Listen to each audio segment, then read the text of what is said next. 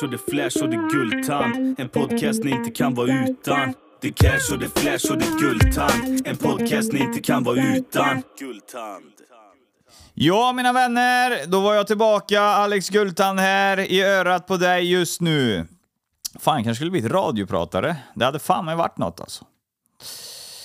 Ja, idag ska vi göra ett avsnitt med en grabb som heter Jens Ganman. Ganman, sa ju jag, och det rättade han ju med. Han heter Jens Ganman.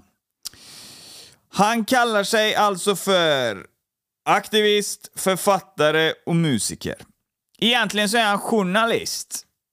Men han har valt att kalla det för aktivist.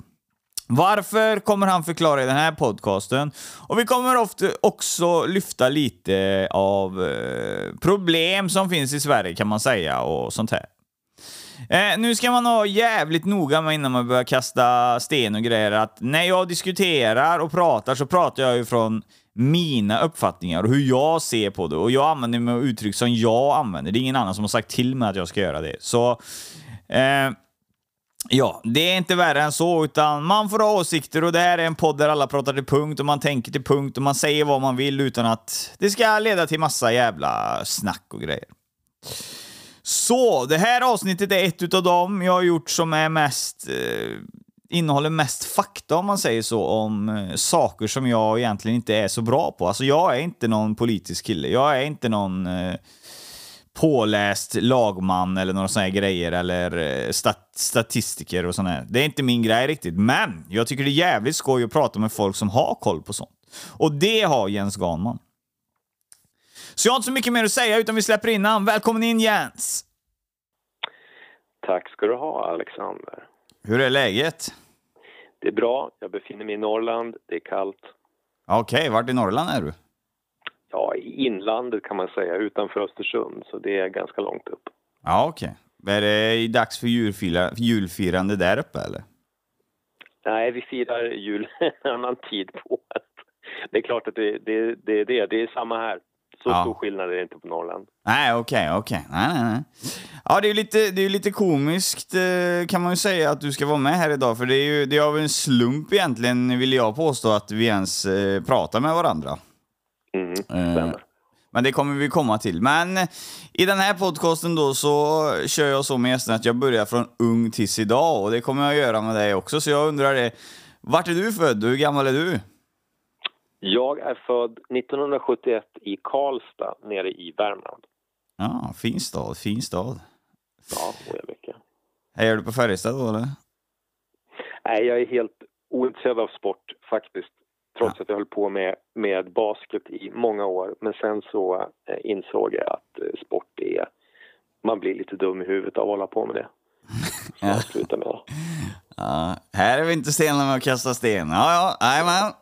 Eh, ja, men hur såg, din, hur såg din barndom ut då, eh, och din familj? Var det en kärnfamilj? Eh, det kan man nog säga. Eh, ganska klassisk eh, arbetarklass eller ja, medelklass med tiden. Mm. Pappa företagare och mamma jobbade inom vården. Eh, så att, ja, ganska medelsvennigt sådär. Ja, ja, ja. Och eh, som grabb då, vad, hur vill du beskriva dig att du var i grundskoleålder? Vad var du för en kille? Hade du bra betyg och du var glad och sådana grejer, eller vad var du? Ja, det hade jag nog. Jag var nog faktiskt en pluggis ända upp i, i nian. En extrem pluggis. Ja. Eh, men också något av en sån där som, som gjorde saker bakom lärarens rygg för att eh, bli, ja, liksom få skratt. Mm. Eh, så att, eh, men jag trivdes väldigt bra i skolan och tyckte att det var roligt ända upp i gymnasiet trots att många verkar tycka att skolan var ganska jobbig, vilket det nog var för många. Men jag tyckte att det var roligt att gå i skolan. Mm. Så på fritiden då, eller hade du några intressen, eller var det mest plugg då, eller? Eh? Ja, på den tiden så var det mycket, det var mycket idrott, basket framförallt. Ja. var ett stort basketfan. Ja, okej. Okay. Men du hade bra med kompisar och sånt, eller du var inte, du var inte vid sidosatt i skolan? Nej, det tycker jag inte. Jag hade ett, ett rikt socialt liv, ja. som, som man säger när man är vuxen. Ja, okej. Okay. okay. Ja. Vad, eh, jag tänker på familjen och fritiden, vad pysslar ni med som eh, små på fritiden mer än sport?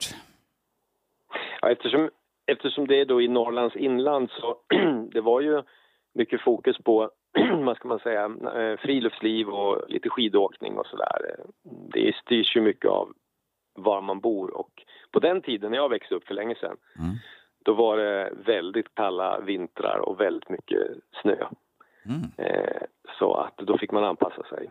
Men vi var alltid ute på den tiden. Det är en stor skillnad mot idag. Jag vet inte om du har tänkt på det, men när man går förbi eh, gårdar och, och sådär där det borde vara barn ute och leka så tycker jag sällan numera att man ser det. Det är väl för att de sitter in och spelar tv-spel kanske. Det gjorde inte vi på den tiden. Nej, det... Ja, jo, men jag, jag har ju två pojkar själv, så jag känner ju igen känslan av det här med eh, att... eh, Ja, jag kan ju jämföra mig själv. Jag är ju, jag är ju inte så jävla ung heller. Jag är ju född 87, va? men eh, vi var ju ute och körde streethockey och körde ta och såna här grejer mer än vi var inne. De fick ju släpa in oss. för Nu är det ju att vi får släpa ut dem liksom.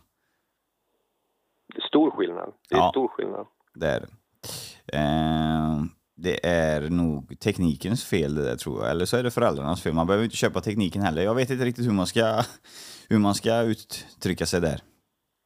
Nej, jag tror att du har rätt. Det är nog sociala medier som gör liksom entré i de här barnens liv redan när de är, inte fan vet jag, tio år kanske, åtta, sju till och med. Ja, ja det, det är sant. Det är sant. Okej, nej men då fick vi en liten smak av ditt eh, eh, ja, liv som grabb. Har fattat det då. Du, du, du, du var sportig då och var bra i skolan och sådana grejer och hade kompisar.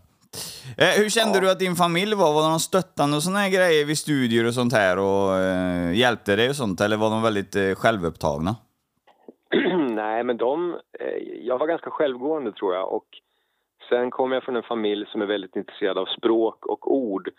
Och eh, en familj av ordmärkare och korsordslösare. Så att det där var liksom någonting som ständigt fanns närvarande. Att om man sa fel eller inte använde ett ord rätt och sådär, då, fick man, då fick man reda på det. Och lärde sig då varför eh, det inte hette på ett speciellt sätt och så. Det tyckte jag var intressant. så att eh, det är en form av ursäkta, det är en form av stöttning det också. Att våga tala om för barn att eh, det heter inte så där eller förklara sammanhangen bakom. Det gör ju att man blir med tiden förhoppningsvis lite allmänbildad. Ja. Men du, du känns ju, nu vet jag inte, det kan ju komma senare också, men du känns ju som eh, vältalig och väluppfostrad när jag har pratat med dig de här gångerna och du verkar ju vara eh, betydligt högre kompetens än vad jag har. Så jag tänkte, hade du en strikt, eh, hade du strikt uppväxt eller hade du en light uppväxt? Att du fick göra lite som du ville och komma som du kände för? Ja, så var det nog. Den var light. Men jag hade också en morfar som var eh, folkskollärare. Mm. Eh, och han var den första akademikern i, i vår släkt på mammas sida där. Som utbildade, första som utbildade sig till ett akademikeryrke. Eh, så att det där med folkbildning och att läsa böcker och liksom vara intresserad av nyheter och samtiden, det var rätt viktigt. Men det var någonting som fanns naturligt i vår släkt och familj. Det var ingenting som tvingades på oss barn utan de vuxna var liksom smarta och eh, var goda föredömen så, så att man som barn kände att jag vill också kunna saker. Ja, okej. Då hänger jag med. Efter nian och såna här grejer, när det var dags för gymnasiet? Alltså då valde jag något som på den tiden hette humanistisk linje. Och det gjorde jag enbart av det skälet att jag hade hört att det var mycket tjejer som gick i den linjen.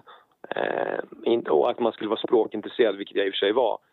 Men det var ju bara massa pluggisar så att det var inte så himla kul på det sättet. Men, eh, men det var lärorikt. Så jag gick gymnasiet den humanistiska linjen, inte, inte latinvarianten utan den vanliga språklinjen. Och då började jag skolka väldigt mycket.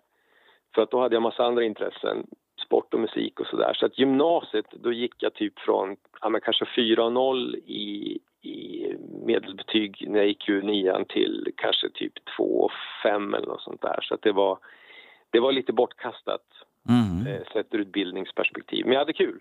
Ja, okej. Spännande eh, vinkel där på eh, tjejerna där. Det betyder alltså att du var en eh, väldigt eh, tjejmagnet då som du gillar tjejer?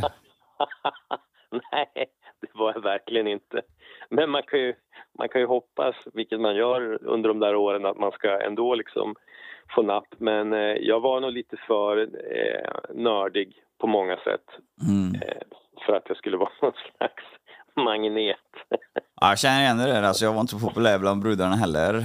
Nej, det är nog fan mig... Nej, det, jag håller nog med. Det är nog på gymnasiet där, mellan gymnasietid eh, och nian där som jag också skaffade min första flickvän, tror jag. Eh, Mm. Nej, jag var inte populär, men eh, det har han tagit, igen sen i, i äldre ålder. Så att, eh, ja. Eh, då är det, den här linjen då som du pratar om, den är ju ingenting som man hör någonting idag. Eh, Men vad, vad gör man på en sån linje överhuvudtaget?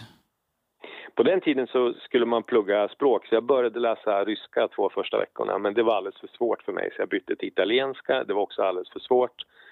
Eh, eller det var det väl egentligen inte. Det var väl det att jag var ofokuserad och eh, inte så kanske längre, vad heter det, studiebenägen.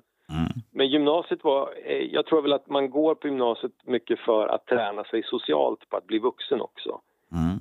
Och eh, det, jag tyckte det var en jäkla skillnad mellan högstadiet och, och gymnasiet när man kom dit för då var plötsligt alla så vuxna. Det hade hänt så mycket så här, sommaren efter nian till gymnasiet. Eh, inte med mig då, eh, så är det väl alltid att man uppfattar att man själv kanske är lite barnslig eller, eller mer vuxen än man faktiskt är. Men det var social träning i tre år. Ja, okej. Ja, ja, ja. Eh, men jag kan fortfarande inte sätta fingret på det, för du vet, när jag valde till eh, gymnasieprogrammet, då valde jag ju elprogrammet till exempel. Ja, men Alexander, då kommer du bli elektriker.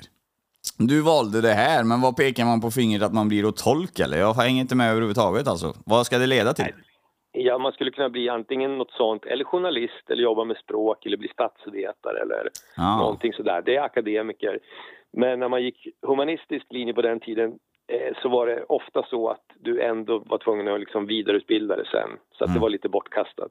Om man gick som du gjorde, då kunde man ju faktiskt börja jobba direkt efteråt. Ja, och det gjorde jag ju och det var det nog få som gick den där humanistiska linjen som fick något jobb efter det. Det var lite flummigt sådär. Så kunde man ha tillval i form av drama och musik och, bild och sån här estetvariant. Men det var utvecklande för personligheten. Mm, mm, mm. Eh, så den här linjen, den eh, tutar du färdigt då? Går du klart den helt eller hur eh, hoppar du av eller går du färdigt den? Nej, jag gick faktiskt klart den och sen, sen gick det ett antal år innan jag tog upp några studier igen. Sen blev det lite högskola, lite så här engelska studier och sen så gick jag en eh, radioproducentutbildning på Dramatiska institutet i Stockholm och halkade in på och radio. Så jag började jobba för P3 på den tiden var, när P3 var en, en mycket bredare kanal än vad det är nu. Nu är det lite, eller väldigt smalt skulle jag säga. Mm. Alltså, ja, ja, Eh, ja, den är smal. Okej, den var större förr alltså, för de toppar ju mycket grejer. Alltså, de toppar ju poddar och de toppar ju det mesta P3 eller vad ser jag ju. De är ju, känns ju stora än idag på just att nå ut. Ja, men de här poddarna gör de nog det, men på den tiden då var det så att eftersom det inte fanns internet och inte fanns några poddar, då lyssnade ju alla på radio hela dagarna. Alltså P3 var ju den stora breda folkkanalen som alla lyssnade på. Den, den lät inte alls egentligen som den gör nu. Fast det var fortfarande någon slags ungdomskanal. Så jag började eh, jobba åt dem 89 redan. Ja, okej. Det är alltså, ja, det är två... Det är, det är länge sedan. Väldigt Ja, länge sedan. det är ett bra tag sedan. Eh, Gjorde man några pengar på det på den tiden eller fanns det något att hämta? Eh, nej, det skulle jag väl inte säga. Fast det var väl inte, det var väl såna hyfsade arvoden. Det berodde på hur ambitiöst det var, hur mycket du liksom, hur många bra idéer du kunde kläcka. Så, så fick man väl betalt efter det. Ja, okej. Men jag var frilans då och har varit det åt både Sveriges Radio och SVT sen dess i många år i olika sammanhang. Jaha, ja, du har eh, varit riktigt inne i smöret du. På SVT med. ja, nu senast jobbade jag ju med ett program som heter Svenska nyheter som har eh, jobbat med politisk satir. Eh, Men däremellan så har jag gjort en massa olika grejer. Men jag skulle inte riktigt kalla det att vara i smöret för att med tiden så har jag blivit väldigt kritisk till public service, SVT och SR. Eh, Så jag har ju svängt väldigt mycket där. Ja. ja, vi börjar komma in på yrke och nisch här och jag har ju frågat dig innan vad du kallar dig för och du kallar dig ju för aktivist, författare och musiker. Kanske inte i den ordningen då, men då får du berätta själv hur du kallar det. Men eh, de tre orden har jag snappat upp och det är väl, det är väl något utav det som den här podden i stort sett kommer handla om. Det är ju din syn på de här grejerna. Just det.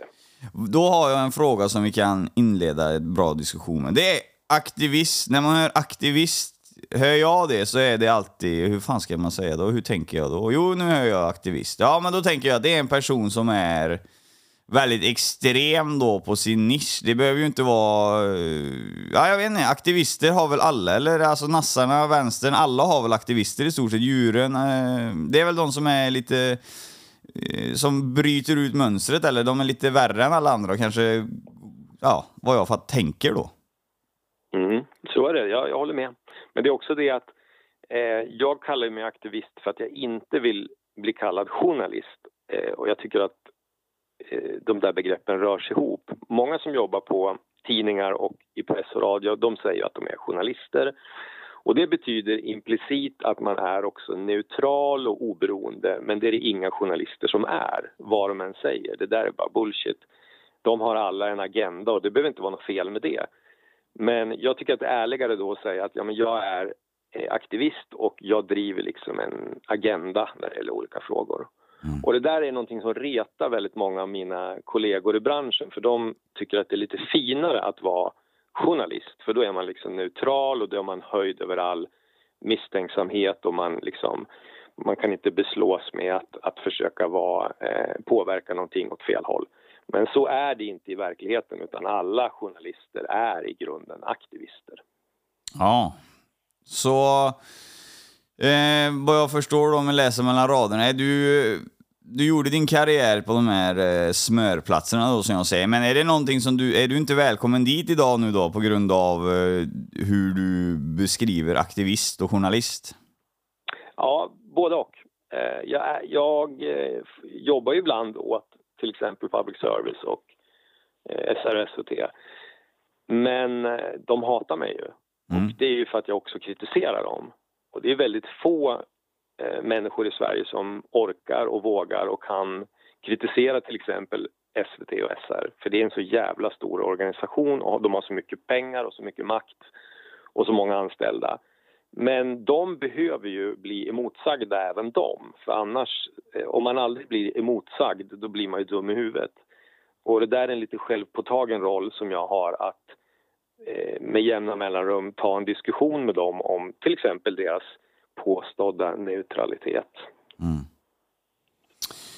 Ja, jag vet inte vad jag ska fråga om det egentligen mer än att eh, när kom du på det här? Att eh, du ville bryta mönstret då från vanlig journalist till eh, aktivist då? Att du ville eh, nischa dig som det?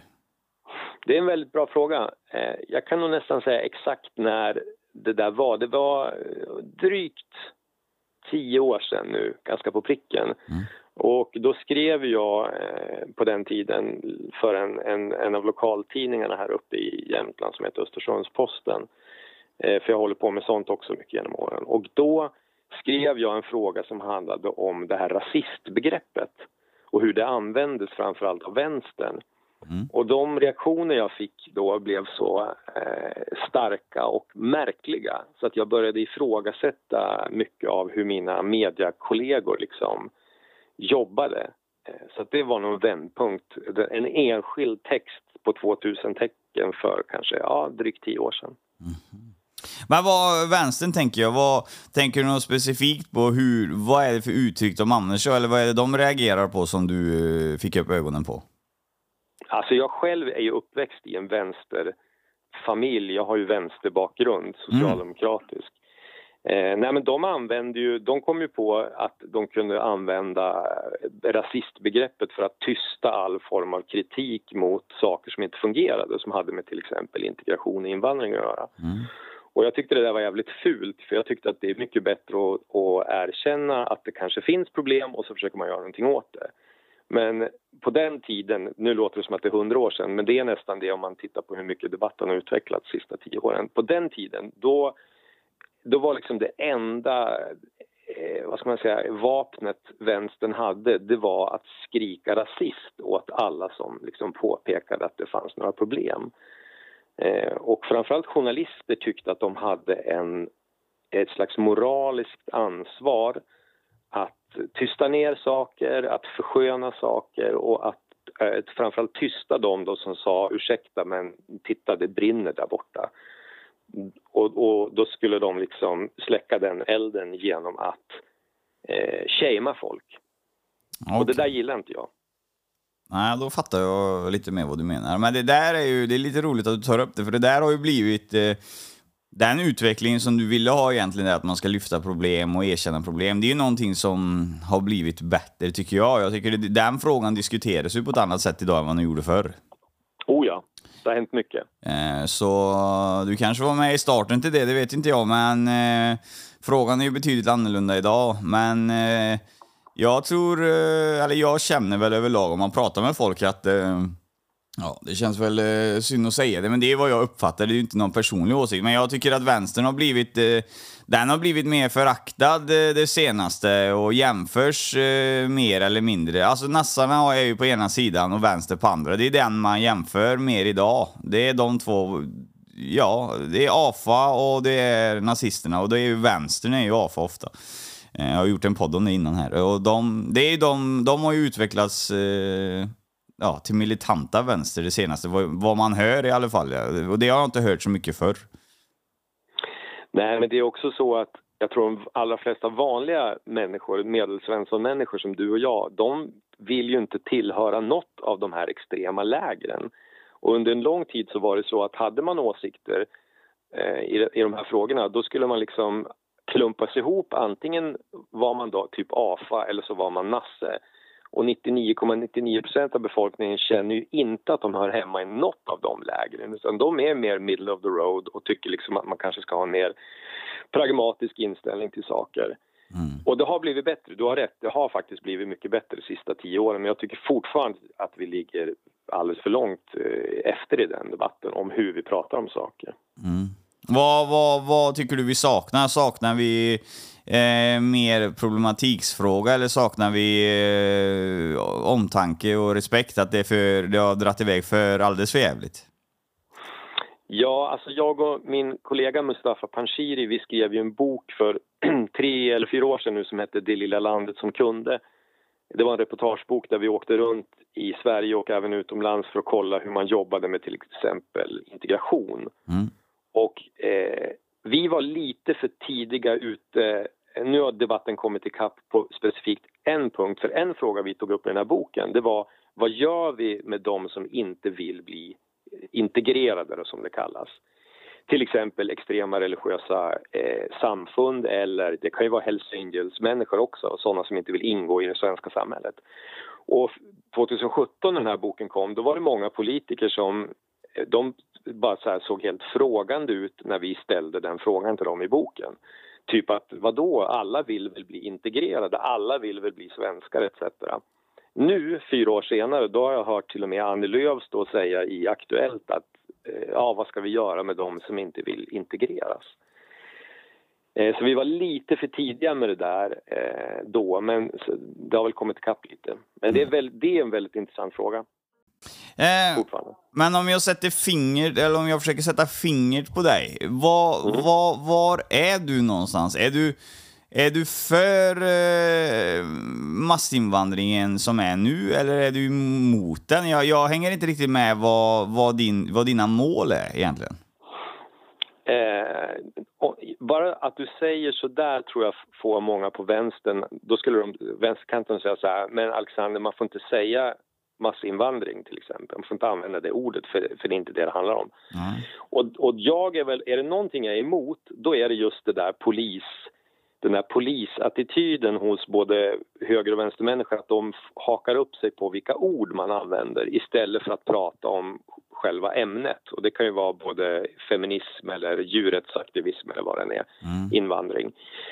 Eh, så det är mycket av det jag håller på med, det, det är fokus på att man ska våga prata om saker på ett vuxet sätt. Men om vi ska prata specifikt om det här med invandring som företeelse. Det var ju någonting vi tittade på när vi skrev vår bok, jag och Mustafa. Mm. Eh, men vi tittade utifrån perspektivet att oavsett hur många Sverige tar emot så handlar det ju om sen vad vi gör med dem och hur vi jobbar med det som vi kallar integration. Mm. Och vi såg att det fanns enorma brister i det. Eh, så det är väl mer det jag vänder mig mot, kanske inte mot företeelsen i sig. Eh, utan det är liksom vad den sen leder till och hur man, ja framförallt hur man pratar om de här möjligheterna eller problemen beroende på hur man ser det. Okej, okay. nej, då förstår jag. Nej, nej, att jag uttrycker mig, alltså massinvandrare, det är ju det är en uppfattning som jag har fått. Antingen så är den falsk eller så är den sann. Det, eh, vad jag ser så kommer det många och då blir det ju mass för mig. Men det är ju inget, eh, det är inget fult ord det jag menar. Men alltså, jag har inga problem med att säga det heller att eh, jag umgås ju med både svenskar och invandrare. Eh, och jag känner parter som eh, på båda sidor inte sköter sig. Och jag vet ju överlag några som aldrig kommer sköta sig i båda, eh, på, i båda lägren då. Va? Och, ehm, det är ju frågan eh, vad man...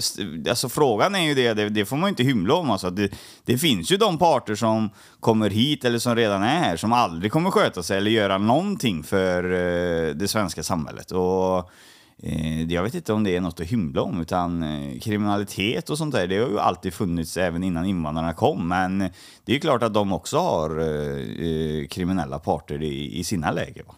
Det vet jag i alla fall. Så är det. Om jag då skulle vara en sån här stereotyp vänstermänniska nu, då skulle jag säga till dig, men Alexander, nu sa du svenskar och invandrare. Det får man inte göra. Alla är svenskar. Eh, och då känner du säkert igen att debatten då ofta kör fast på de här teknikaliteterna jag tror ju att både du och jag och många inte har några problem med att ja men det är klart att det är skillnad på svenskar och invandrare och alla fattar vad man menar när man säger det. Eh, fast en del då tycker ja men du ska säga folk som har rötter utomlands eller du vet, det kan finnas en massa sätt att skriva om det där på. Ah, okay. Men oavsett vad man kallar folk eh, och företeelser så är ju problemen vad de är och verkligheten ser ut som den gör. Och precis som du så bra beskrev så det finns ju människor som har problem i båda lägren. Och då måste man fundera på vad gör man för att lösa problemen. Och sen det där begreppet massinvandring. Ja, alltså vi har tagit emot eh, lite drygt två miljoner människor från andra länder de, sen 60-talet och framåt, kanske lite mer till och med i ett land med 10 miljoner invånare, det är jättemycket. Och nu är det, jag tror att det är 17-18 procent av svenska befolkningen som har en eller två utlandsfödda föräldrar. Mm. Och det är ju ett jättestort inslag i Sverige numera. Och eh, visst, man kan kalla det massinvandring eller bara invandring. Men frågan är ju mer då vad man gör åt de problem som har uppstått. Ja, absolut. Jag köper det fullt ut. Men anledningen till att jag använder mig av massinvandringsuttryck, det är inte för att det är, det är inget negativt alls med det, utan det är för att om man jämför med de andra länderna, eh, våra grannländer, eh, då måste vi ju ha, då måste ju, ja, då kan man ju säga mycket invandring då. Ja, då kan jag uttrycka mig så då. Vi har mycket mer invandring än vad till exempel Danmark, Norge och de här har, Finland till exempel. Så är det ju. Uh, oh ja. Så då uttrycker jag mig så istället så förstår folk vad jag menar, så slipper man få 3000 kommentarer om det sen. Ja, nej men det är spännande och du verkar vara en spännande person. Eh, och du nämner lite om det här med, jag har varit inne och kollat på din eh, Facebook också. Du, även om du inte säger det själv så måste man nog säga att du är ju en form av social media-kändis. Eh, du har ju ett otroligt högt tryck på din Facebook till exempel med trafik. Mm. Och då ska vi gå igenom det begreppet som vi har pratat om för många avsnitt eh, här sen med den mordhotade muslimen. Han eh, grej pysslade också med någonting som heter satir, men vi ska gå igenom det igen för du kanske har en annan vinkling på det. Så jag undrar det, vad är det för satir du skapar och vad vill du ha ut av den? Alltså jag brukar ju eh, nästan bara skämta med och driva med politiker, svenska politiker och nästan alla av dem är vita. Sen råkar de också vara åt vänster, men det har att göra, de är eh, sossar eller, eller miljöpartister. Och det där brukar jag få lite kritik för.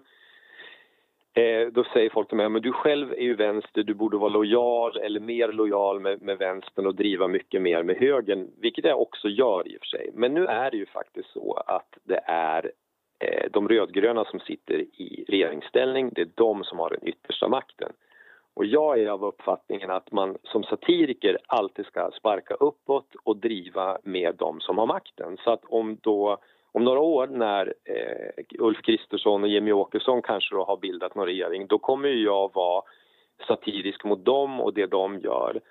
Eh, så att man ska som satiriker alltid stå på den lilla människans sida och man ska peka ut lögnare som till exempel justitieministern då, Morgan Johansson som är en, en, en inpiskad lögnare och många av de här andra ministrarna, när de håller på och ljuger folket i ansiktet hela tiden om uppenbara saker, då måste satirikerna i ett samhälle ta på sig rollen att peka ut det där. Okej. Och det gör man med form av, eh, ja, för mig då som inte är påläst, det gör man med en form av seriefigurer eller hur målar man sig fram till det här eller? Ja, alltså man kan ju göra en massa olika former av satir. Det finns ju bra eh, tecknare till exempel, den här Steget efter, jag vet inte om du har sett den, de teckningarna. Eller så skriver man saker, eller gör musik. Det finns ju de som jobbar med det också. Mm. Men det det handlar om det är att locka fram ett lite nervöst skratt hos allmänheten eh, och få dem att känna att ah, shit, så där är det ju. Och man får skratta åt eländet. Och det finns en viktig komponent i det här med satir och det är det spontana skrattet. För det vet ju du också att om du garvar rakt ut åt någonting då kan du aldrig ta tillbaka det skrattet utan då har du avslöjat att fan du har dålig värdegrund, du skrattade åt det där fast det inte var riktigt tillåtet. Men jag tycker att det är befriande när folk gör det. Ja, okay.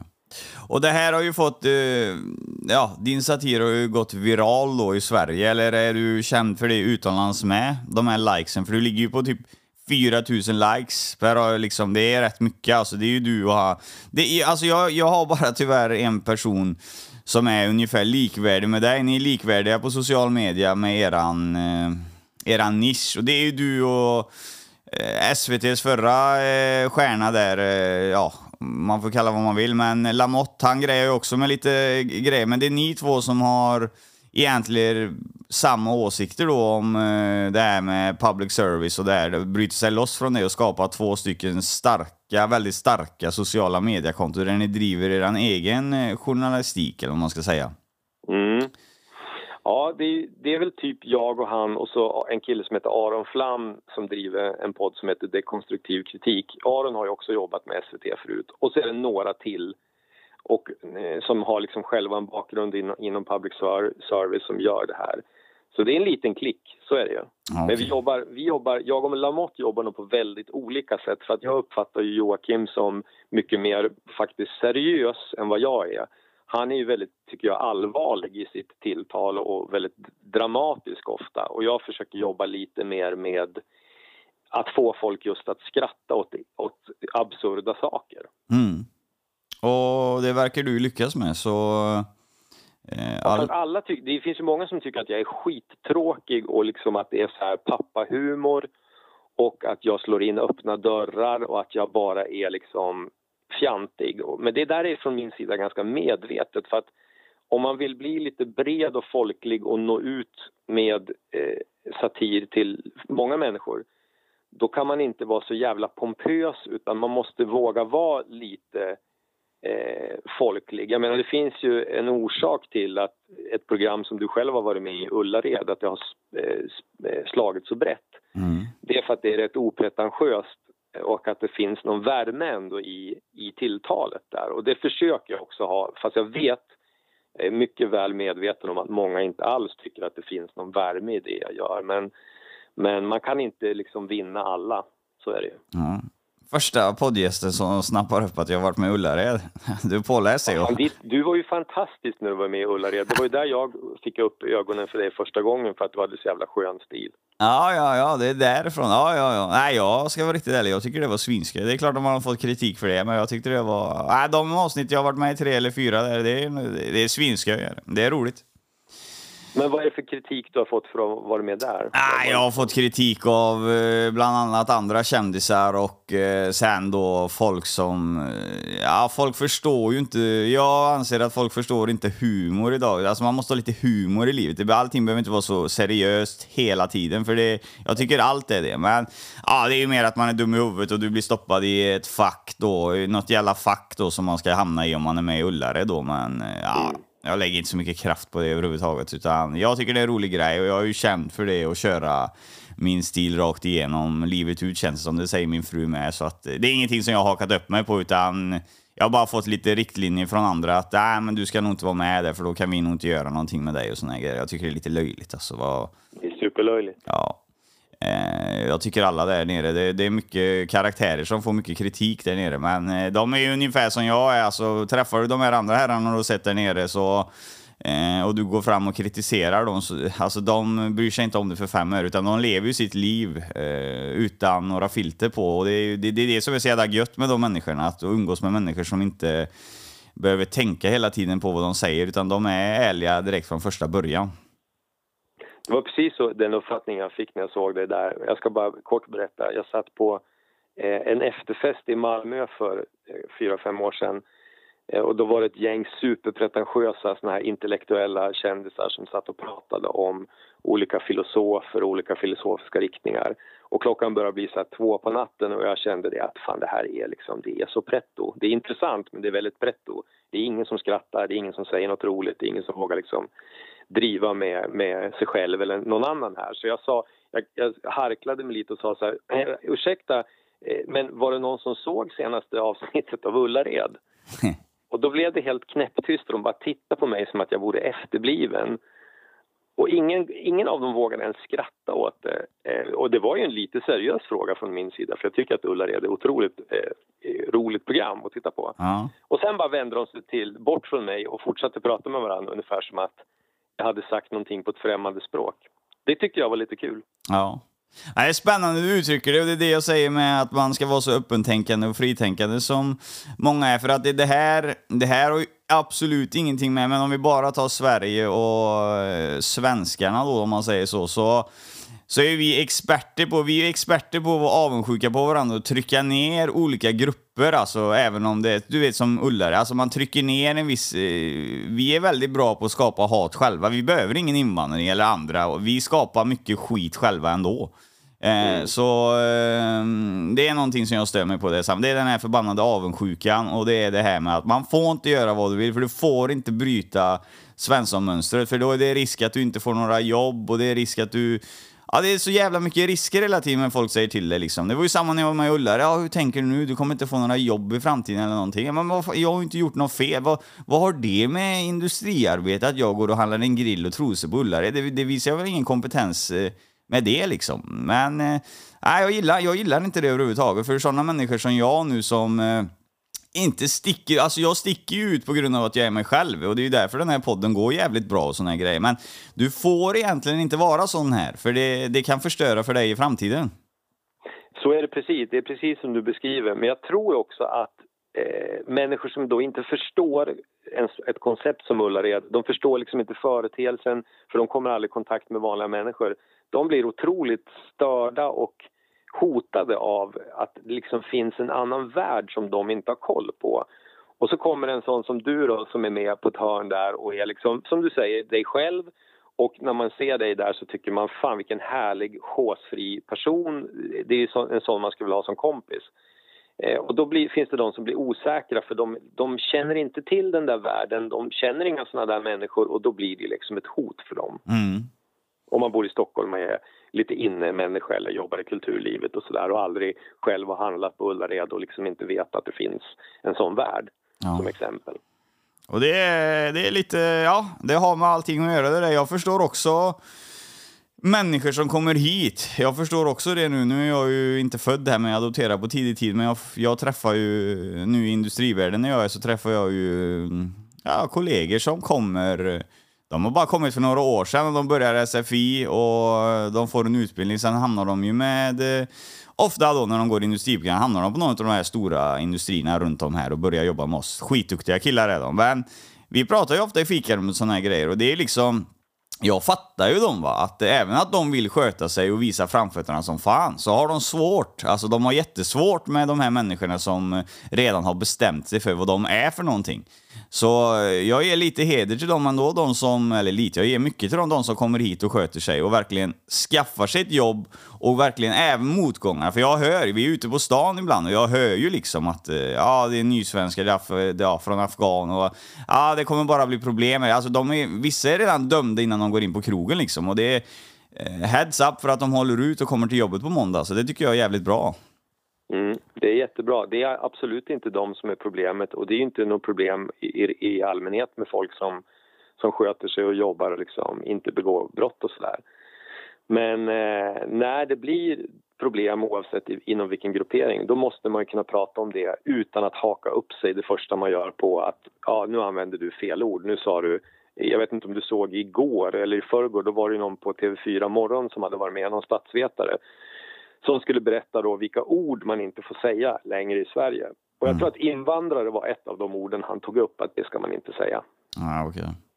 Ja, det är ju lite konstigt alltså. Jag, eh, alltså jag har ju massa kompisar som är invandrare som presenterar sig som det själva. Eh, så att eh, jag vet inte riktigt egentligen. Det är ju inget fult ord alltså. Det är inget, man menar inget illa med det alltså. Jag menar inget illa med jag tror inte du heller gör det. Säger man invandring eller invandrare, det är ju ingenting som är... Jag är ju adopterad då. Ska jag bli förbannad när alla sitter och säger adopterad i tv då? Jag, jag hänger inte med riktigt där. Nej, men jag tror att de flesta vanliga, vanliga människor som du och jag och Svensson-människor, de hänger inte med i den här debatten. Utan för dem är det liksom något jävligt abstrakt som pågår i den här intellektuella kändisvärlden. Och det har liksom ingen bäring på deras liv i, i, i vardagen. Men så tittar de på tv och läser tidningarna och så blir de så, jaha okej får man inte säga så nu? Nej, det var som fan, ja ja. Men eh, det, det är ingenting som liksom betyder någonting i deras egen vardag. Jag har också kompisar som kallar sig själva invandrare. Och det kan till och med vara de som är födda i Sverige av föräldrar som har invandrat. Och då om man säger till dem, jaha men varför kallar du det för invandrare? För du är ju född i Sverige. Och då kan de säga, ja men du vet vad jag menar. Ja, Ja. visst tänker jag. jag. Jag, jag vet vad jag, visst du har liksom rötterna i ett annat land med allt vad det innebär. Du har andra kulturella influen, influenser hemifrån. Eh, men det kan man inte säga varenda jävla gång man ska presentera sig eller prata om någon. Så då säger man, ja, jag är invandrare eller jag har invandrarkompisar. Och alla normala vanliga människor fattar ju vad det betyder. Ja. Eh, ja, jag tror hade vi haft lite mer av det här öppet och lite mera utan massa, att man får massa skit för vad man säger och folk verkligen förstår vad man inte menar. Tror jag det hade varit lite bättre i samhället, det tror jag faktiskt. Ja, skojar du? Vad fan, det är klart hade varit det. Fattar du hur mycket tid som har gått åt de senaste 10, 15, 20 åren till att prata och ha en debatt om debatten? Inte Ja. om problemen, utan om debatten och hur den borde se ut. Liksom. Det har gått bort så jävla mycket tid på det. Ja, nej, jag, jag håller med dig fullt ut. Och hade man varit lite... Nej, jag hoppas att mer människor eh, träder fram som är från eh, båda sidor som eh, är lighta med... Så det kommer upp lite bättre debatter, för jag tycker det, det blir skit. Alltså, vi, snart måste vi ha kvar rullare liksom live och köra det så att folk får skratta lite också på tvn. För det är inte, det är inte mycket som är bra nu när det är där. Eh, ja, du får ursäkta uttrycket, men jag, jag, jag kollar ju lite ibland på de här politikerna och de här grejerna när de snackar och det är debatter. Men det är ju inte bra alltså. Det går ju inte... Det, det är ju... Ibland drar det iväg på lekstuga rejält alltså. Mm. Och sen ska man sitta där och utbilda ungdomar att ja, det är viktigt att ni läser på här nu så ni kan rösta och vet vad ni röstar på. Så ska man sitta och kolla på de här debatterna. Det, alltså det, det blir ju svårt för folk att rösta överlag alltså. Ja, jag tror inte att de får så jävla mycket hjälp av att titta på de här partiledardebatterna. Det är ju mer en show numera. Ja, och sen så har jag fått, eh, nu har jag fått det, eh, ja det kan jag säga till dig, jag behöver inte nämna några namn, men jag har en nära kompis till mig eh, vars, eh, ja, har väldigt känningar då till exempel med Jimmy Åkesson privat då, att de, de pratar privat om olika grejer och känner varandra. Eh, men han har ju också uttryckt sig vid sidan om då att eh, när de har en sån här partiledardebatt då, då står de ju Ja, Annie Lööf och de här, de står och skriker på varandra och Sjöstedt och såna här grejer. Och sen då när de stänger av kameran, då sitter de här och tar en kaffe ihop i bakgrunden och eh, är helt bra vänner och liksom eh, diskuterar då att ja, det, nu gjorde vi en bra, det här var en bra debatt, det rörde upp mycket och såna här grejer. Så att, det är ju som du säger, det är ju för fan, det börjar ju bli ett skådespel nu det där liksom. Mm. Ja, jag har lite samma erfarenheter från, från annat håll. Folk som säger det, som har insyn, att, att det är så. Och eh, det kan man ju tycka är, rätt falskt på ett sätt. Det borde väl, eh, ja, för väljarnas skull så vore det bättre om de sa då att ja, bara så ni vet det så vi är, egentligen är vi ju kompisar. Jag tror till exempel att Annie Lööf och just Åkesson, de har ett mycket, mycket bättre eh, förhållande eller bättre relation till varann än vad, vad, man kan få intrycket av när man ser dem i tv. För då, då hör det ju till den här dramaturgin att det ska vara Eh, det ska vara eh, fiendeskap och det ska vara hårda ord för då blir liksom bra media på det, precis som du säger. Men, men verkligheten ser ju ofta helt annorlunda ut. Ja, det var samma där med Åkesson och Sjöstedt. Eh, enligt Åkesson ska ju Sjöstedt vara den bästa eh, kompisen utav de här som är då vid sidan om. Så att eh, han ska ju ha sunda. Så jag, jag, jag köper inte det där. Det är det som är det lite luriga det där. Och, vad fan, om sånt där, om sånt där föregår, då spelar det ingen roll vad röstsedlarna är egentligen, utan då är det ju mer eh, ja, rösta lite på vad du känner för den här lappen var fräckare än de andra liksom. Så det blir, Mm. det blir typ så. Då. Ja, nej men vad fan, nu ska vi inte snöa in på det, utan det här avsnittet handlar om Jens Ganman och det ska det fortsätta göra. Ganman. Ganman. Ja, Ganman, ja. Jag tycker att det är så kul att du säger Gunman för det låter som revolverman. Ja, jag vet. Jag har fått det också. Jag satt och sa det till frugan, du vet. Nu när jag presenterar det här så kommer folk tro att det är en skytte, du vet. Det är lite coolt, sa jag, du vet. Men... Eh, eh, ja, ja. Ganman, ursäkta mig. Ursäkta Ja. mig. Eh, vi ska snöa in på en rolig grej. Anledningen till att du och jag ens eh, har börjat prata med varandra, det är ju liksom att eh, vi hittar varandra på Messenger. Och Ja. Eh, du frågade där om en bok som du eh, kanske ska skriva här i framtiden. ja, stämmer. Eh, vill du förklara lite? Ja. Ja, jag och Mustafa Panshiri, vi gjorde ju vår reportagebok och den formen är jävligt rolig. Jag tycker om det här böcker som är kanske tio korta reportage om någonting. Så att jag har eh, en idé om att göra en sån reportagebok om tio eller kanske 15 lite udda människor eller företeelser eh, runt om i Sverige. Och då snubblade jag över, jag hade ju inte hajat att du hade haft den här podden igång så länge.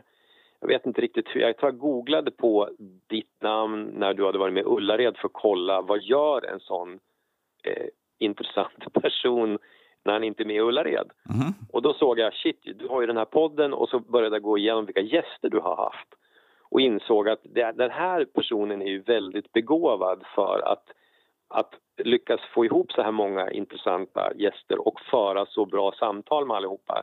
Det är det liksom inte vem som helst som gör. Så då tänkte jag så här att det vore intressant att göra ett, ett, ett av de här reportagen att det skulle handla om, om dig då och din podd och det du gör. Så att det var så vi fick kontakt med varandra. ja, och jag känner mig hedrad för beskrivningen. Tack så mycket. Eh, nej, men det är jag Och jättegärna känner du inte att det stämmer då? Att, att, är det inte ganska märkligt att du liksom med tanke på den bakgrund du har, industrijobbare, får för dig att du ska göra en podd och så hittar du alla de här extremt intressanta människorna. Hur fan gör du? För jag vet att det finns poddare som gärna skulle ha dina gäster men nog har svårt att hitta dem. Så då måste jag få fråga dig, hur gör du för att hitta dina gäster? Ja, det ska jag avslöja. Eh, först och främst så har det varit eh, eh, via internet då, för det mesta. Eh, eh, det har varit, då, det finns ju, nu tänker vi på, ja vi tar de här gästerna då, eh, tjejerna och eh, de kriminella. Tjejerna eh, hittar du ju via, de hänger ju ofta på nätet på så här, eh, ja, nu ska vi inte göra någon reklam för de sidorna, men de hänger ju ofta på sajter där det är lagligt eh, och visa vissa delar eller erbjuda vissa tjänster.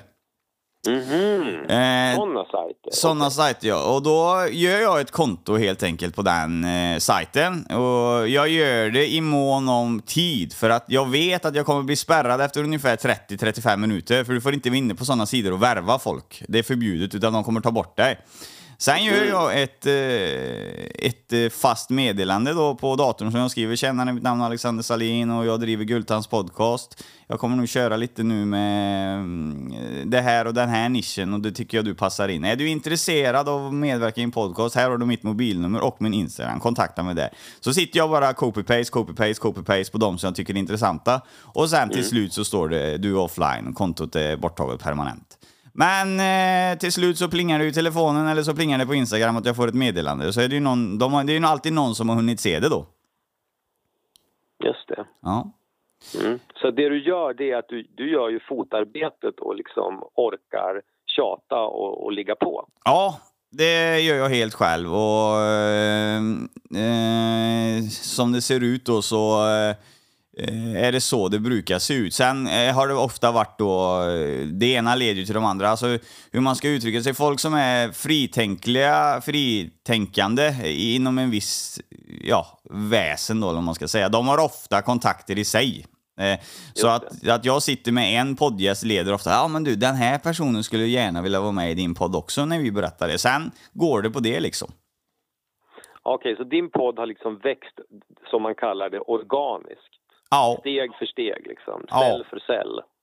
och sen nu då som eh, blev då det jag jobbade fram till, det var ju för att Ja, det är klart. Synas och höras med podden. Det är klart, jag gör ju ingen podd om ingen vill lyssna, men det, det stiger ju hela tiden. Och då dök det ju upp en, eh, en fin och varm herre från Göteborg då. Han heter ju Mikael Thomsen.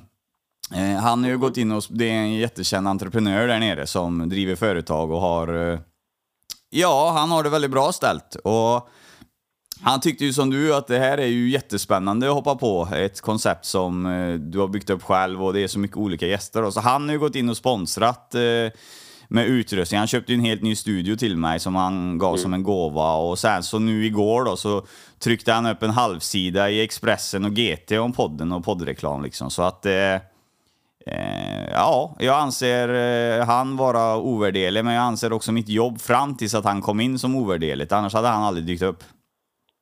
Nej, men tror du inte att det har att göra med att du faktiskt på riktigt är dig själv? Du är samma person i din podd som du är privat. Ja, jo, de säger det. Och det får jag ju... Det är, det är ju det som är det lighta här. Alltså, jag ringer ju upp dig idag eh, med eh, att göra en intervju, men framför mig så ligger det ett papper med 1, 2, 3, 4, 5, 6, 7, 8, 9, 10 tomma punkter och en överskrift där det står Jens, Ganma, Jens Ganman. Ja, sorry. Ganman, ja. Ja, Eh, så att jag freestylar ju mina poddar. Jag bygger ju frågorna på efter vad du säger. Jag har ju ingen, aldrig några manus.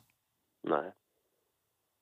Nej, men du verkar ju vara väldigt bra på att lyssna och förstå folk och jag tror att dina gäster, det märker jag när jag har lyssnat på dina gäster, att även om de är lite, de kanske är lite skamsna eller lite osäkra i början för att de jobbar med något konstigt eller har gjort något konstigt eller varit med om något konstigt. Men så märker de väldigt fort att du inte är dömande och då öppnar de sig. Jajamän.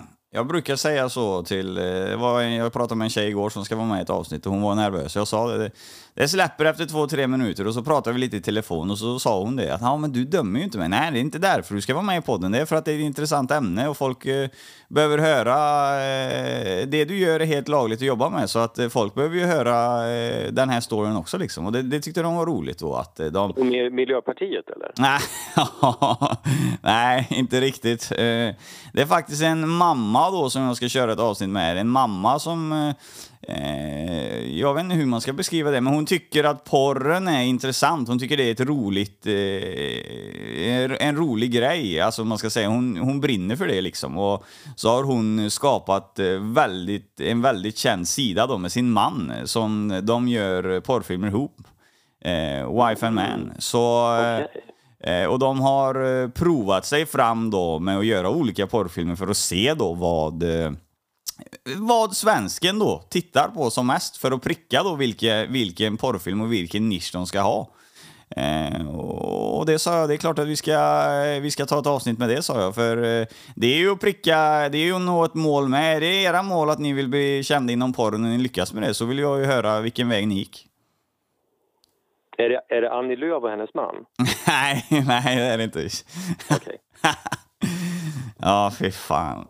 Ja. Nej, jag bara skojar. Ja, det, ja, det jag var vet. elakt. Eller vadå, de får väl hålla på med det om de vill. Absolut. Jag inte döma absolut. någon så. Ja, och sen så som liksom när det kommer då, du, man får ju ändå så tänka på det va, att eh, jag känner mig ändå så hedrad när sådana som dig är med, som är starka inom vissa grejer. För man måste också, det, det förstår inte folk, utan jag måste, jag får ofta också mothugg, det ska man säga. Det är inte så att jag skriver till varje person och de säger ja, jajamän, vi är med Alexander, utan Eh, människor är pålästa om dagens läge och de är, de är oroliga för att smutsa ner sin egna fasad. Så då har de kollat igenom vilka avsnitt jag gör och vilka avsnitt jag spelar in.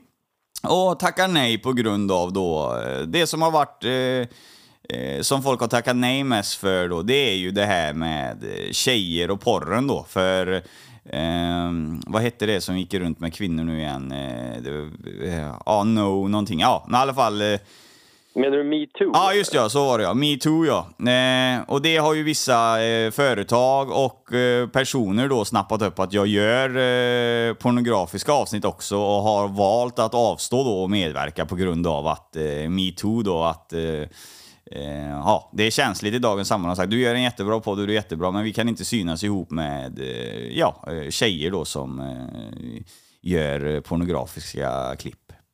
Men jag lovar dig att det är fler som efter det här avsnittet kommer säga att ah, men jag hörde att Jens Ganman var med där så tyvärr så kan inte jag vara med på grund av det. Ja, ja. Det, det skiter jag i. Det är Ja, det liksom... det är liksom eh, helt ointressant vad, vilka personer, det spelar ingen roll om det är du eller om det är en, eh, en tjej som eh, ja, går på gatan då som det, vi har haft innan också. Det, det är liksom, alla är välkomna här och det, jag tar inte in någon här som inte får prata till punkt. Det är därför folk är med. Mm, det tror jag också. Jag tror att du har ett bra koncept där. Ja. Ja, det har jag ju. Alltså, vare sig, alltså, tänk dig själv hur många poddar som drar igång i Sverige varje dag. Liksom. Eh, men jag ligger med en, eh, en, liksom en halvsida i Aftonbladet och GT och Expressen eh, en onsdag. Liksom. Då, då har man tagit sig någonstans. Det är så jag ser på det hela. Liksom. Sen får folk tycka och tänka egentligen vad de vill, för jag har jävligt skoj med det jag gör. Har du blivit osams med någon av dina gäster och sen känt att det här vill jag inte sända för det blev så dålig stämning?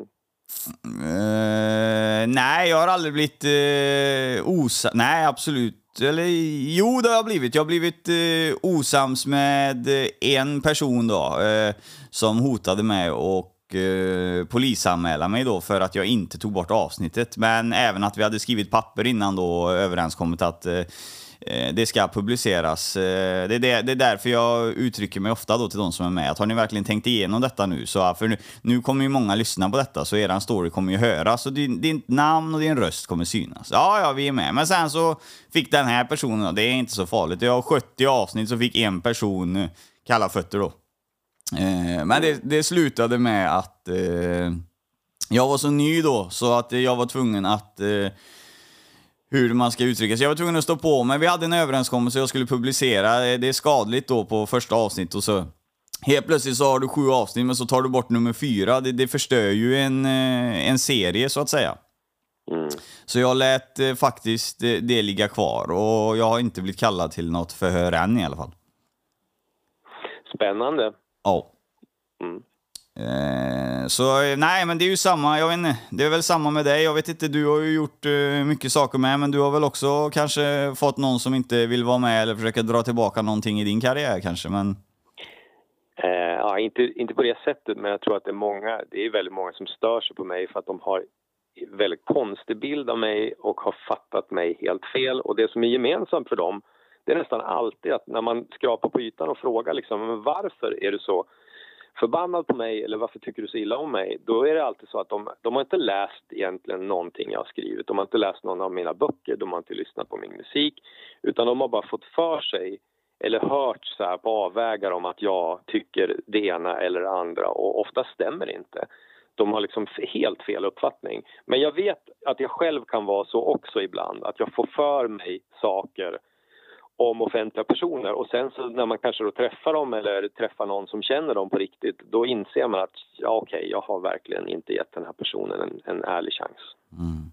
Vad, vad tror du det är folk stör sig på när det gäller dig? Ja, det, det, jag vet vad det är de stör sig mest på. Det är ju det här att eh, jag var ganska tidigt ute med att prata om invandring och integration. Och det var inte för att jag var så jävla intresserad av det och liksom brinner för det speciellt, för jag är mest intresserad av musik och, och, och liksom litteratur. Utan för att jag såg med egna ögon i min vardag att nu är det massa saker i samhället som inte funkar och politikerna säger att det funkar och den jävla lugnen ska inte de komma undan med. Någon måste ställa sig upp och liksom säga emot. Mm. Och eh, då var det då många som bara bestämde sig att i och med att jag gjorde det, ah, men då måste han vara rasist. Det är det det handlar om. Ja, okay. det var absolut inte det. Så du är alltså eh, egentligen utsatt för att, ja, en skala tycker att du är rasist med andra ord? Ja, oh ja, när jag, när jag fick, jag blev utsedd till Årets svensk för några år sedan. Ja, det såg jag. Och, och, och då skrev eh, Reinfeldts eh, före detta talskrivare Moa Bergfeldt, tror hon heter. Eh, då twittrade hon om att aha, i år blev det, då var liksom rasisten som fick eh, utmärkelsen Årets svensk. Och eh, då skrev jag till henne att du, om du kan plocka fram ett enda uttalande som jag har gjort i något sammanhang där jag uttrycker mig rasistiskt så donerar jag typ, jag tror jag skrev så här 20 000, eller du får donera det till vilket välgörande ändamål du än vill. Och det kunde hon ju inte, men däremot så ändrade hon då och twittrade någonting om att ja, men jag menade inte dig utan jag menar dina följare. Det är de som är liksom rasister, såna här SD-människor och din bruna svans etc. etc. Men det är alltid så att när man pressar de här människorna som, som vill slänga det här epitetet runt sig så kan de aldrig liksom vara specifika och säga att jo men du har kallat eh, invandrare för det och det eller du har sagt det och det utan det är alltid så lite allmänt att ja, de får en känsla av att jag är rasist. Och då säger jag, ja men jag är inte det men däremot så har jag tagit upp en del ämnen som är jävligt eh, tabu i Sverige och som många har svårt att prata om. Eh, det har jag gjort. Men det räcker liksom för att man ska bli lite suspekt. Ja, ja, men det är ju det problemet vi har. Det är ju det att eh, vi kan ju inte kommunicera i det här landet, utan vi skapar ju hat istället eh, för att lyfta saker i tid. Så att eh, det är ju det, ja, det får du ta, men alla vet ju, de riktiga som inte sitter i den här bubblan, de vet ju att du inte är någon rasist, utan eh, du lyfter problem som behöver pratas om. Och det måste vi ju göra för att komma framåt. Men hur, om, om då någon säger så här, bara att lyfta de problemen, att till exempel peka ut människor som bor i förorten som ett problem, det är rasistiskt. Då är du kört. Hur, hur gör du då liksom? Ja, men det är ju rasistiskt. Det uttrycket är ju rasistiskt. För eh, vad fan, eh, du kan ju inte säga att alla människor i förorten är, eh, är, är, är kriminella. Absolut inte, men om man säger så här då att ja, men det finns ju stora problem i förorten, i många förorter, inte alla förorter, men vissa förorter, det finns det ju faktiskt. Ja. Om någon då säger att ja, men bara det att du påtalar de problemen, det gör dig till rasist. Ja, Hur men, fan försvarar man sig mot det? Ja, det är ju inte, alltså, hur du försvarar dig mot det, det är ju att, uh, det är ju precis det vi pratade om innan. Alltså båda parter, svenskar då och invandrare, om man får uttrycka sig så nu då, men nu uttryckte jag mig så. Och där har vi ju olika parter som, uh, som aldrig kommer bidra med något bra uh, i båda lägren. Det är ju den gruppen vi måste fokusera på. Det är ju samma, alltså, jag är uppvuxen i, jag är uppvuxen i, mm, i Trollhättan. Eh, och jag har liksom, eh, alltså 90 procent eh, av Kronogården eh, känner ju jag liksom och de känner mig. Eh, och Kronogården är ju ett, ja, ett ämne som tas upp ofta. Bland annat Lamotte har tagit upp det vid flera tillfällen. Men alltså när du går ut, när Lamotte är där, då måste man, nu måste man vara smart som människa här. När man går ut eh, till Kronogården och Lamotte står där och ja, det är jävla liv på plats. Ja visst, visst det är ett jävla liv på plats, men av dem, det står, säg att det står hundratal då med personer eh, som är där nere och stör. Men vi måste tänka på den andra delen som inte är där, som går och lägger sig samma tid den kvällen för de ska gå upp till jobbet. Eh, det är ju synd, det är, det är, det är totalt förbjudet att anklaga dem eh, för det problemet. Och sen samma som jag inte gillar med Lamottes jävla uttryck, han säger det att Ja, men snälla nu ni Kronogård som sköter er, ni måste vakna och ut på stan och, och eh, lära dem här att det här, här måste man sköta sig för de förstår det för er. Egentligen tycker jag det är en uppmaning. Du ska alltså skicka ut människor som sköter sig, som ska ge sig på då kriminella personer. Eh, det blir ju egentligen en, det kommer i slutändan bli en kriminell handling det med. Om folk som sköter sig ska gå ut och slå folk som inte sköter sig. Det blir ju liksom, det blir helt fel. Du har helt rätt i det. Och det är precis det där jag vänder mig mot när jag kritiserar våra rikspolitiker, när de, eller journalister och på Aftonbladet och DN och sånt där. När de till exempel säger, det här har du säkert hört, att någon, som blev skjuten, någon oskyldig som blev skjuten eller nedslagen var på fel plats vid fel tillfälle. Och jag hatar det där uttrycket. Därför att ofta är ju de här människorna som blir oskyldigt drabbade, de blir det i sin hemmiljö. De är inte på fel plats vid fel tillfälle. De är i sina hem där de bor.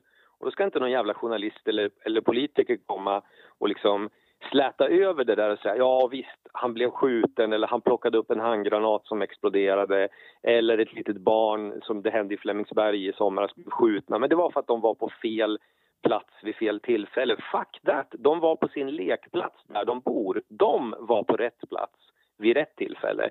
Det är de kriminella jävla dräggen som var på fel plats vid fel tillfälle. Men det där sättet att, att prata om saker som journalister och, och politiker gör i Sverige, att använda såna där termer, det är ju det här klassiska Orwell-syndromet, att man, det som George Orwell skrev om i 1984 när den härskande klassen döper om ord och hittar på nya ord för att beskriva gamla problem bara för att skyla över dem. Och jag hatar det där. Och mycket av min satir riktar sig mot just det där. Att när den styrande eliten och etablissemanget ska liksom uppfostra folket. Att ni använder fel ord och det är så här man säger och du tänker på det här på fel sätt. Häromdagen bara, jag vet inte om du såg det, då, prat, då skrev Jan Guillou en jävligt dum krönika i Aftonbladet. Om att ja, men det är vanligare att halka i badkaret. Eh, hemma och slå sig än att bli skjuten av en eh, gängkriminell. Så det är bara löjligt det här snacket om kriminalitet. Och då blir jag superprovocerad för jag tänker, men vänta nu Janne, du bor på en jävla herrgård utanför, långt utanför Stockholm. Du rör dig aldrig i några förorter eller i några jobbiga miljöer. Det är lätt för dig att sitta i ditt elfenbenstorn och tala om för andra människor att de inte ska vara rädda. Och det där är ett syndrom som är genomgående när det gäller många journalister i Sverige. Att de är så jävla nervösa över vad de har ställt till. De har medverkat till en dålig integration för att de har ljugit om problemen i många år. Och nu när problemen börjar bli uppenbara för alla då måste de liksom hjälpa till att skyla över det här och prata om att ja, men brottsligheten går egentligen ner och, och de som drabbas de var på fel plats vid fel tillfälle. Det är så jävla intellektuellt ohederligt. Mm. Ja, jag, jag förstår precis och det är kul att prata med dig som har en uppfattning om att...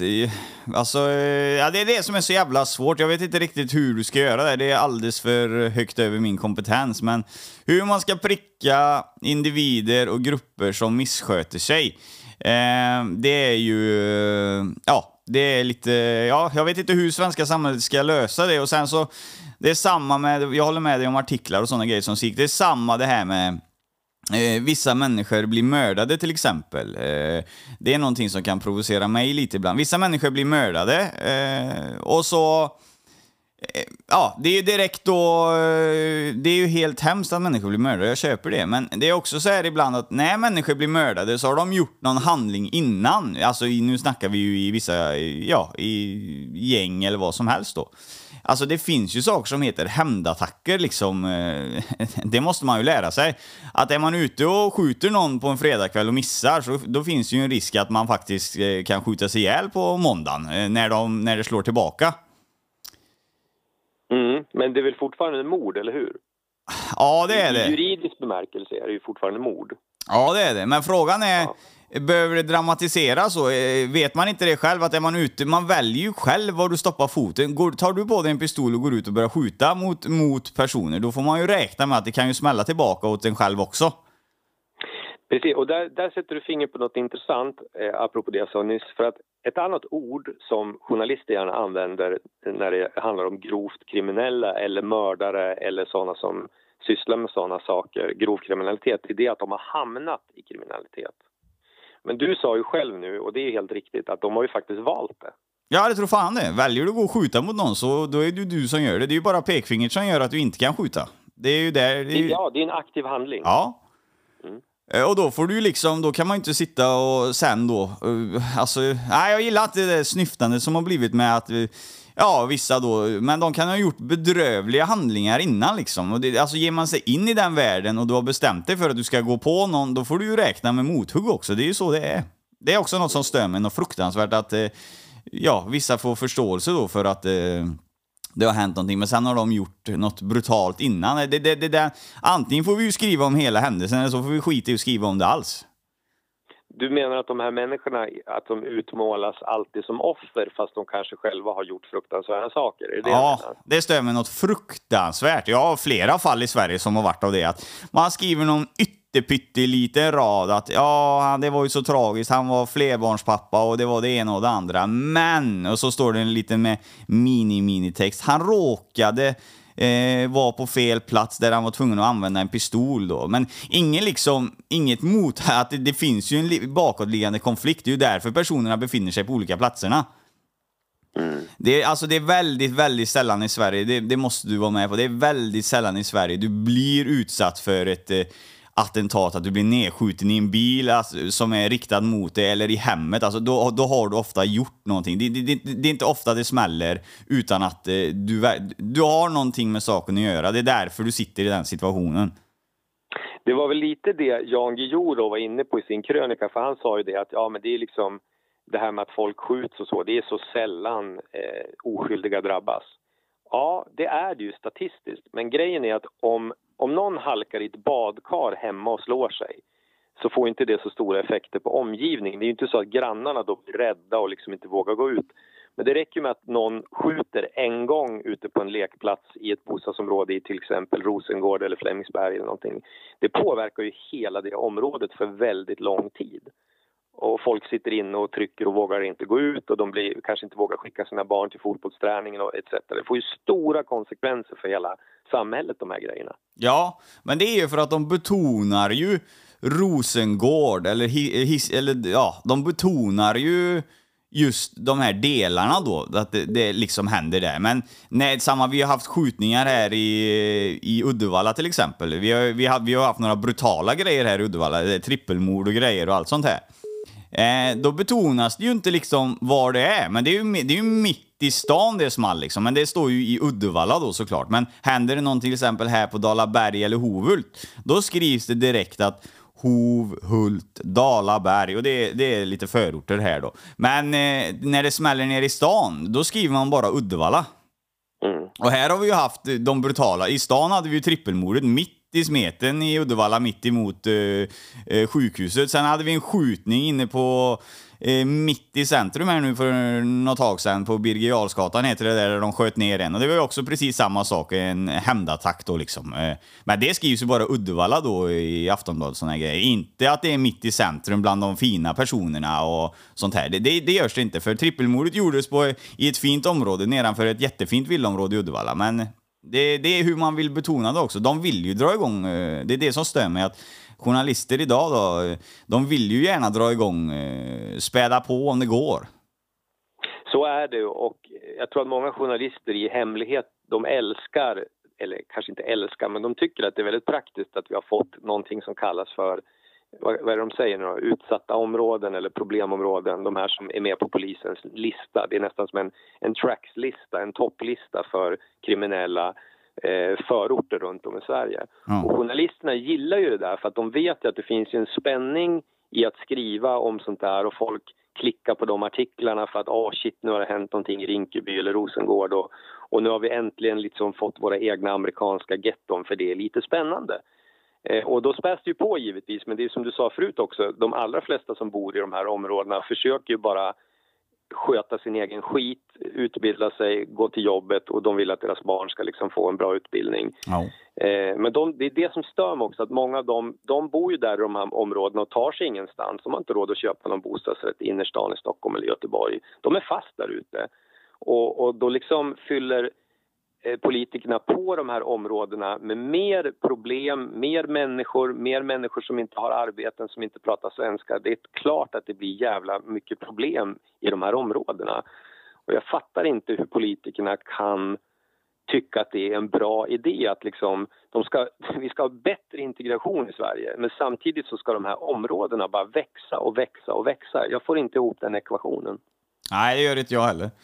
Uh, och nej, jag, jag gör inte det, och det. Men jag gillar din beskrivning. Och det, jag känner massor. Alltså, hur många mer procent som helst som har skött sig bra. Men det, det, är aldrig någon marknadsföring på det. Gör ett reportage om eh, eh, Rinkeby och Kronogården och alla de här ställena och prata med folk som sköter sig en gång får vi se.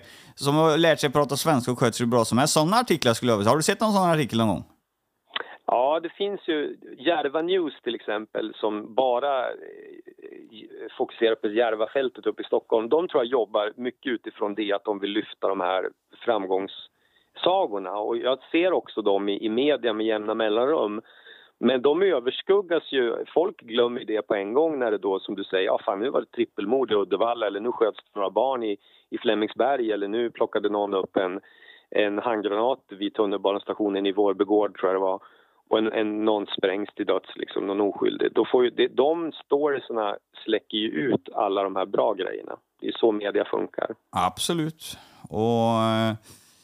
Eh, ja, men där ser man ju direkt, du nämnde ju någon liten, eller någon tidning där nu som skriver om framgångssagor liksom. Eh, mm. Varför hjälper inte Aftonbladet och Expressen de här stora falangerna till att dela deras artiklar? För jag har aldrig sett dem i alla fall. Men det är inte lika intressant, för det, det drar inte igång någon diskussion, det där. Nej, men samtidigt måste man ju säga att kvällspressen har ju ibland... De, de vill göra såna här Eh, speciellt när det är invandrare, att man lyfter fram de som har lyckats med någonting. Men, men ibland känns det som att de kokar soppa på en spik och orkar inte riktigt göra det där, de där djupare grejerna. Jag minns speciellt ett reportage som var för tre år sedan på SVT. Då var det några afghanska killar som hade fått jobb på, på Skansen med att valla getter. Och det där var liksom, då var SVT jätteglada över att kunna lyfta fram de här killarna för att de kom från eh, den fattiga landsbygden i Afghanistan och hade jobbat som getvallare där. Det var liksom deras kompetens. Och så kom de till Sverige och jag menar här har inte vi så stort behov av det men på Skansen så kunde de ju få ett påhugg och jobba med precis den grejen. Och jag, jag ser ju lite humorn i det där och det blir ännu mer humor när då SVT blir så jävla upp i hejsan över att titta här, titta, vi har hittat två invandrare som har lyckats få jobb i Sverige. Titta, de jobbar som getvallare på Skansen. Mm. Och så gör de en, ett alldeles för stort nummer av det där för att alla som ser reportaget fattar att ja, okej, okay, det här är förmodligen en tillfällig grej för de här killarna och de lär ju inte kunna jobba med det här resten av livet. De måste utbilda sig, de måste liksom lära sig svenska.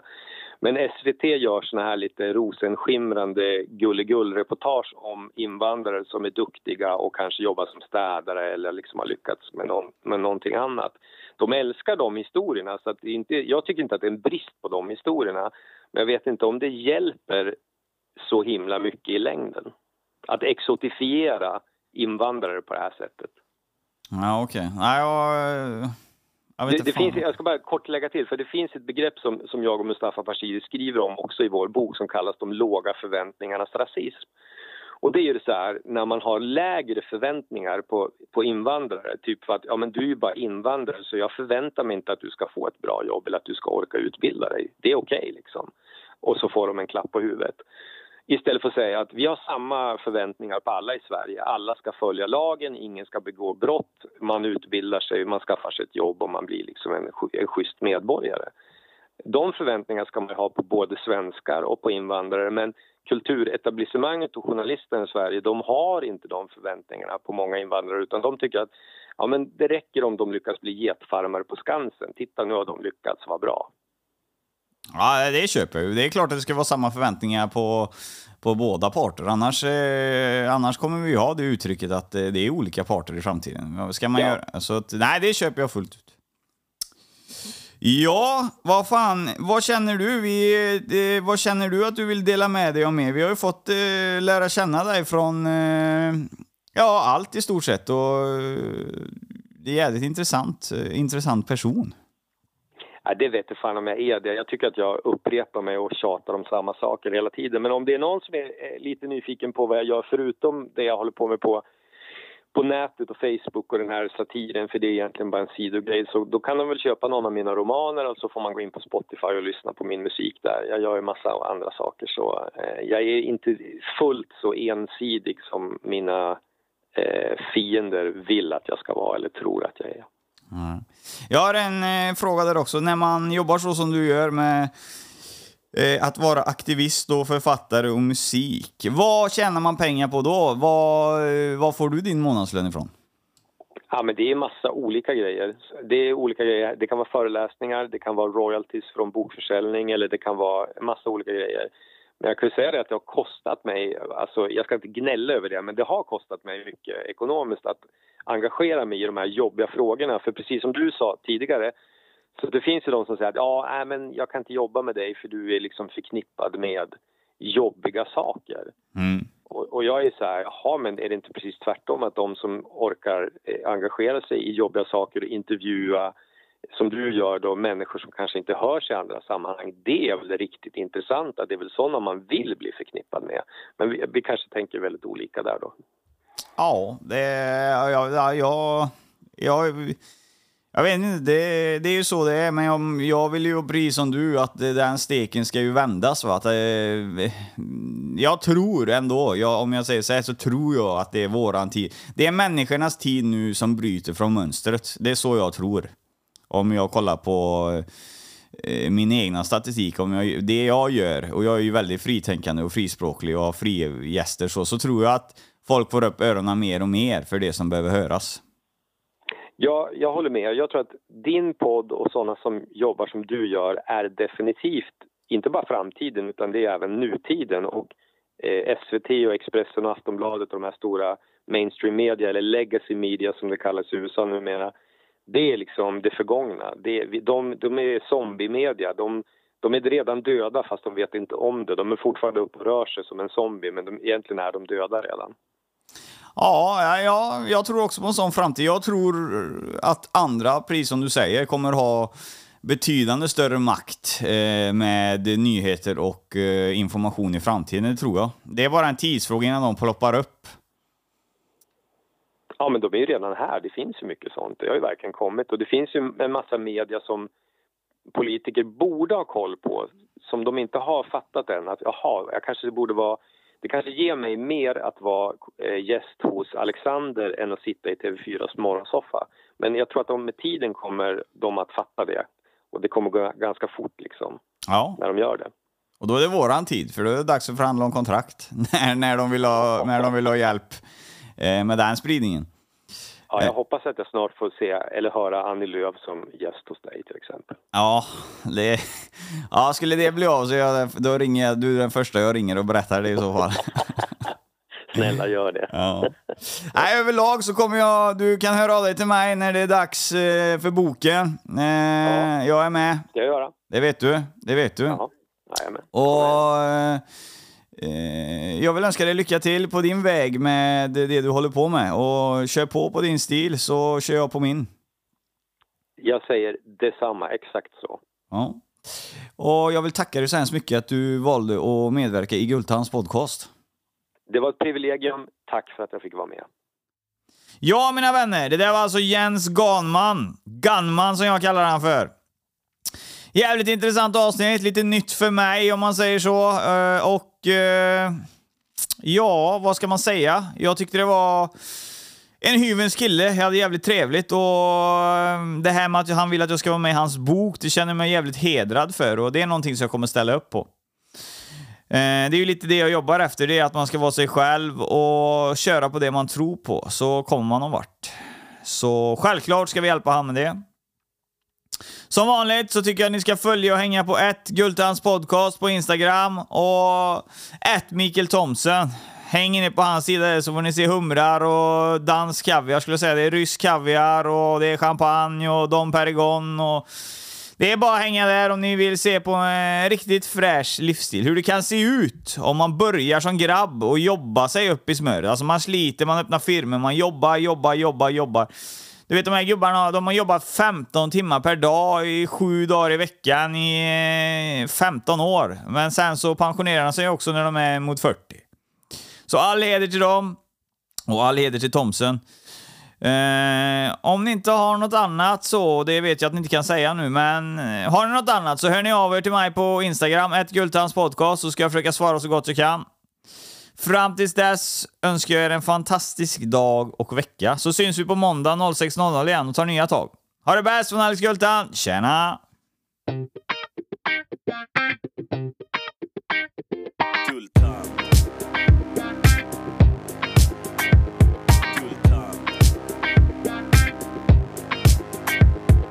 Cash och det flash och det guldtand. En podcast ni inte kan vara utan. Det cash och det flash och det guldtand. En podcast ni inte kan vara utan. Guldtand.